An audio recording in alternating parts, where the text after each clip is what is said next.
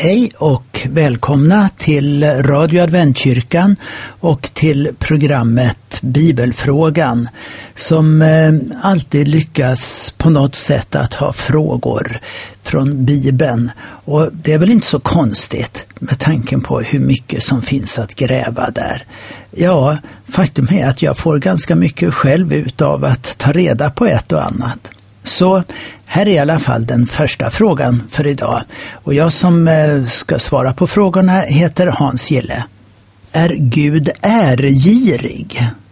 Ja, den var bara så. Det låter ju nu inte så vackert i våra öron om någon är ärgirig. Men vad menar vi med att någon är ärgirig?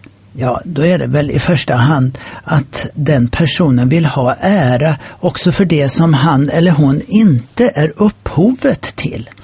När kejsaren i det gamla Rom red vägen fram i ett triumftåg så var det honom man ärade, även om han själv knappt hade satt sin fot på slagfältet. Hans generaler och alla krigarna som gjort segern möjlig kom starkt i skymundan.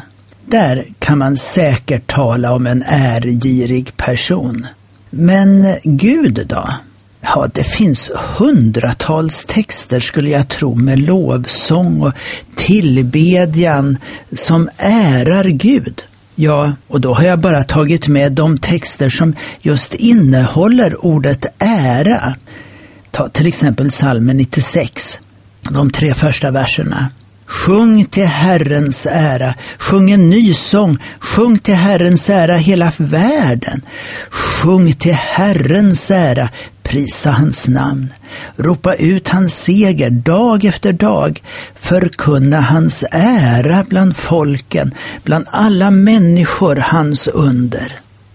Det finns många texter, både i Gamla testamentet och Nya testamentet, som lyfter fram ära och lovprisning av Gud.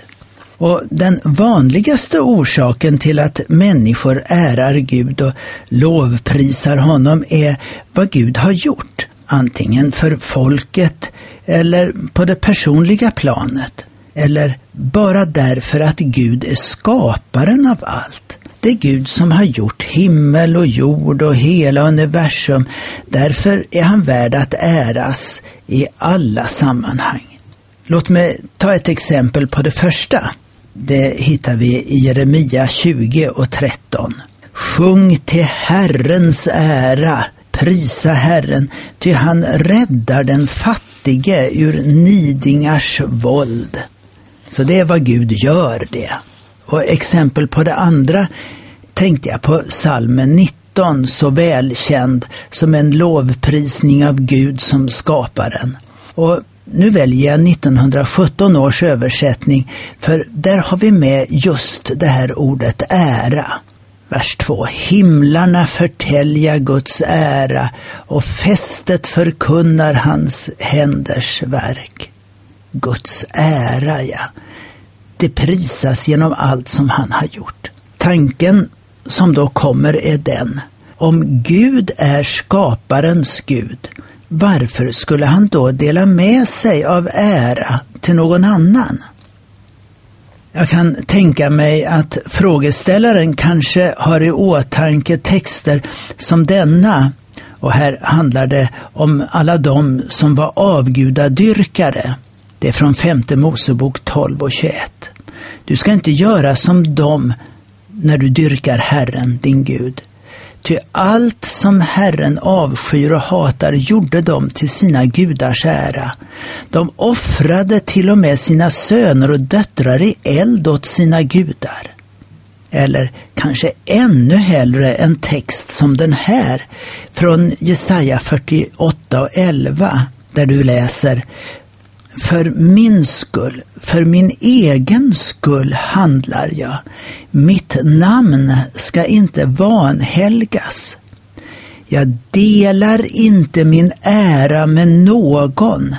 Hör på mig, Jakob, Israel, som jag har kallat. Jag är Gud. Jag är den förste och jag är den siste.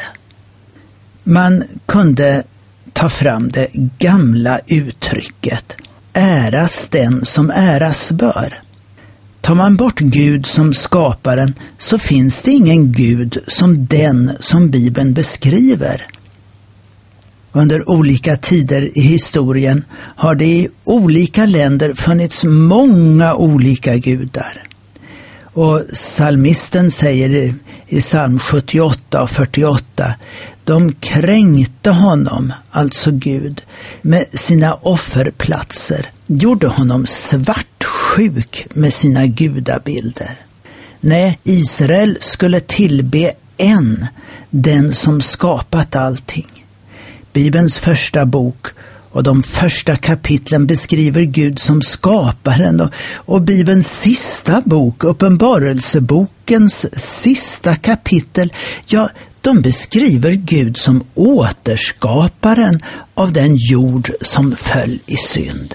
Skulle Gud verkligen dela sin ära med andemakter, avgudar eller människor, ja, då skulle han inte vara den Gud som han är. Jag är den förste och jag är den siste, som det stod i Jesaja 48. Och du vet, det uttrycket kommer ju tillbaka i Uppenbarelseboken. Jag är A och O.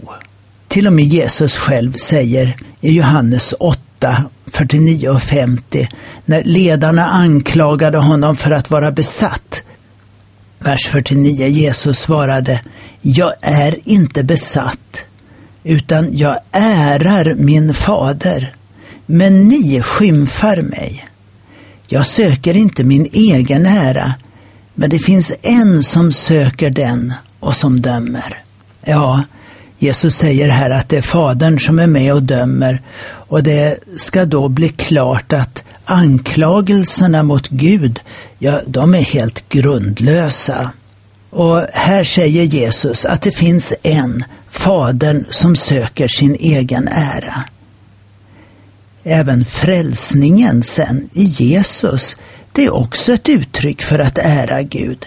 Ta Efesierna 1 och 14. Den är en borgen för vårt arv, att Guds folk ska bli friköpt och Gud få pris och ära. Och så är det ju så att när vi då bekänner oss till Jesus så ärar vi också Gud.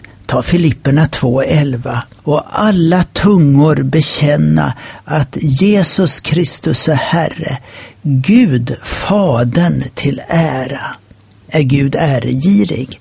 Ja, inte så som vi tänker på ordet, men han är den ende som all ära ska ha.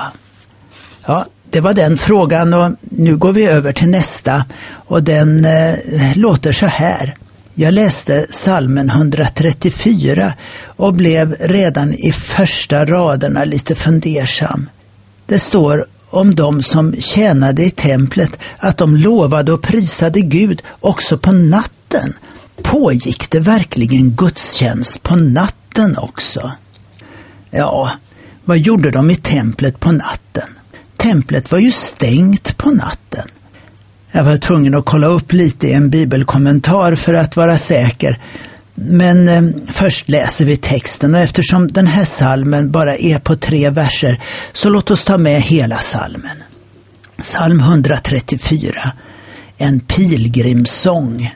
Lova Herren, alla ni Herrens tjänare som står i Herrens hus om natten. Lyft era händer mot helgedomen och lova Herren. Herren välsigne dig från Sion, han som har gjort himmel och jord. Så först av allt, vilka är det som står där i templet på natten? Alla ni Herrens tjänare. Ibland är uttrycket tjänare överfört på hela folket, men här är det säkert just de som hade som uppgift att arbeta i templet. Det fanns två huvudgrupper av dem som tjänstgjorde där. Det var präster och leviter. Och de senare hade ansvaret för allt praktiskt i templet och alla de heliga föremålen. De var, kan man säga, en mycket viktig hjälptrupp till prästerna. Men vad hände då på natten? Ja, bland annat så vaktade man helt enkelt templet så att inga obehöriga kom in.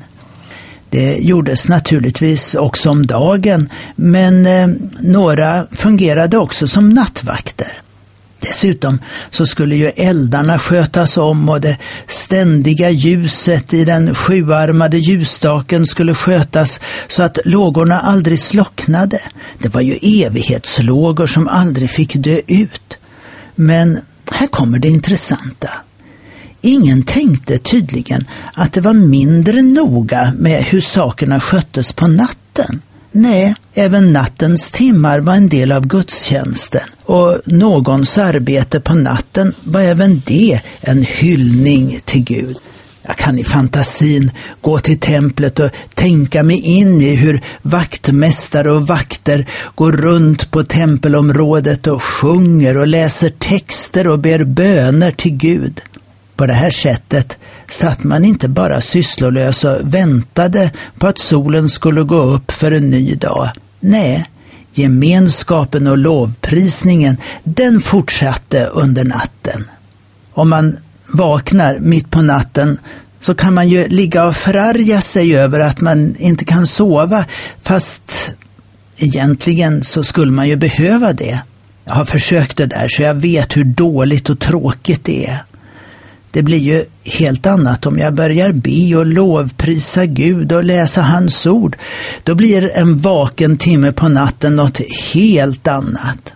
Ni kommer ihåg att när föräldrarna till Jesus kom till templet när han omskars så möttes de av profetissa som hette Hanna och i Lukas 2.37 står det om henne. Hon vek aldrig från templet utan tjänade Gud dag och natt med fasta och bön.